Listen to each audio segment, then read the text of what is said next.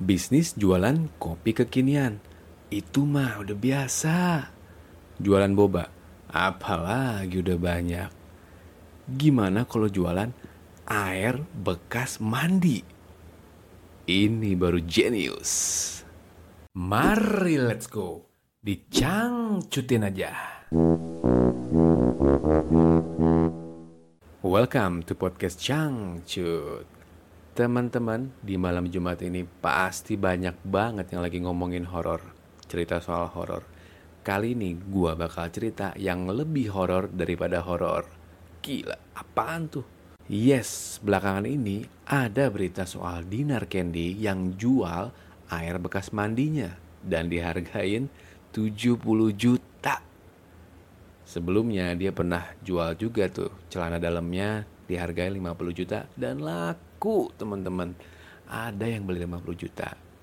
Tadi gue sempat bilang kalau ini genius dan worth it.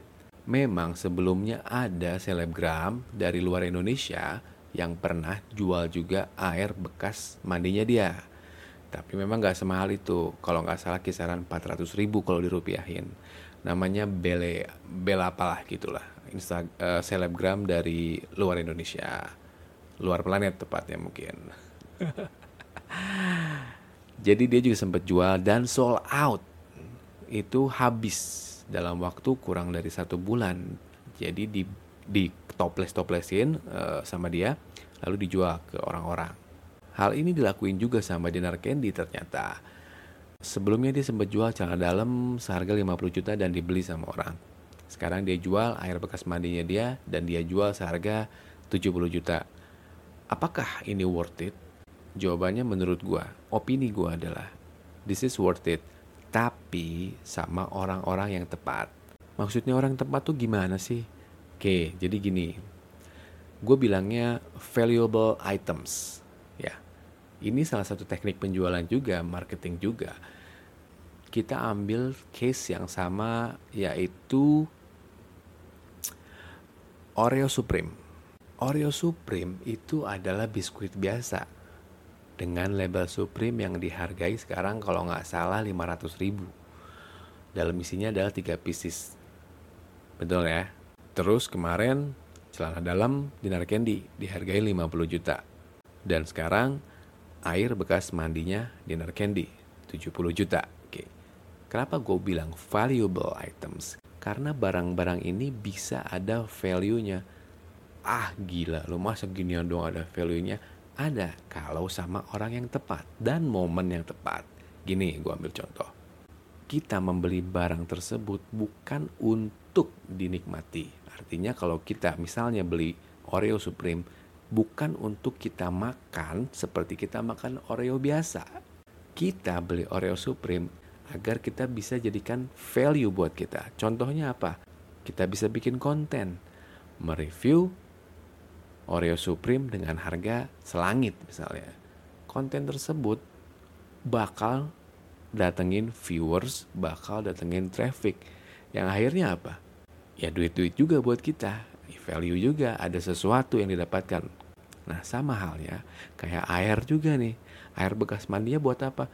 Pasti banyak yang nanya, terus buat apa 70 juta? Mendingan gue beli mobil, mendingan gue beli motor, dan lain-lain gitu kan. Makanya tadi gue bilang, harus sama orang yang tepat dan momen yang tepat. Pasti nggak sembarang orang yang beli ini gitu loh. Pasti punya keperluan.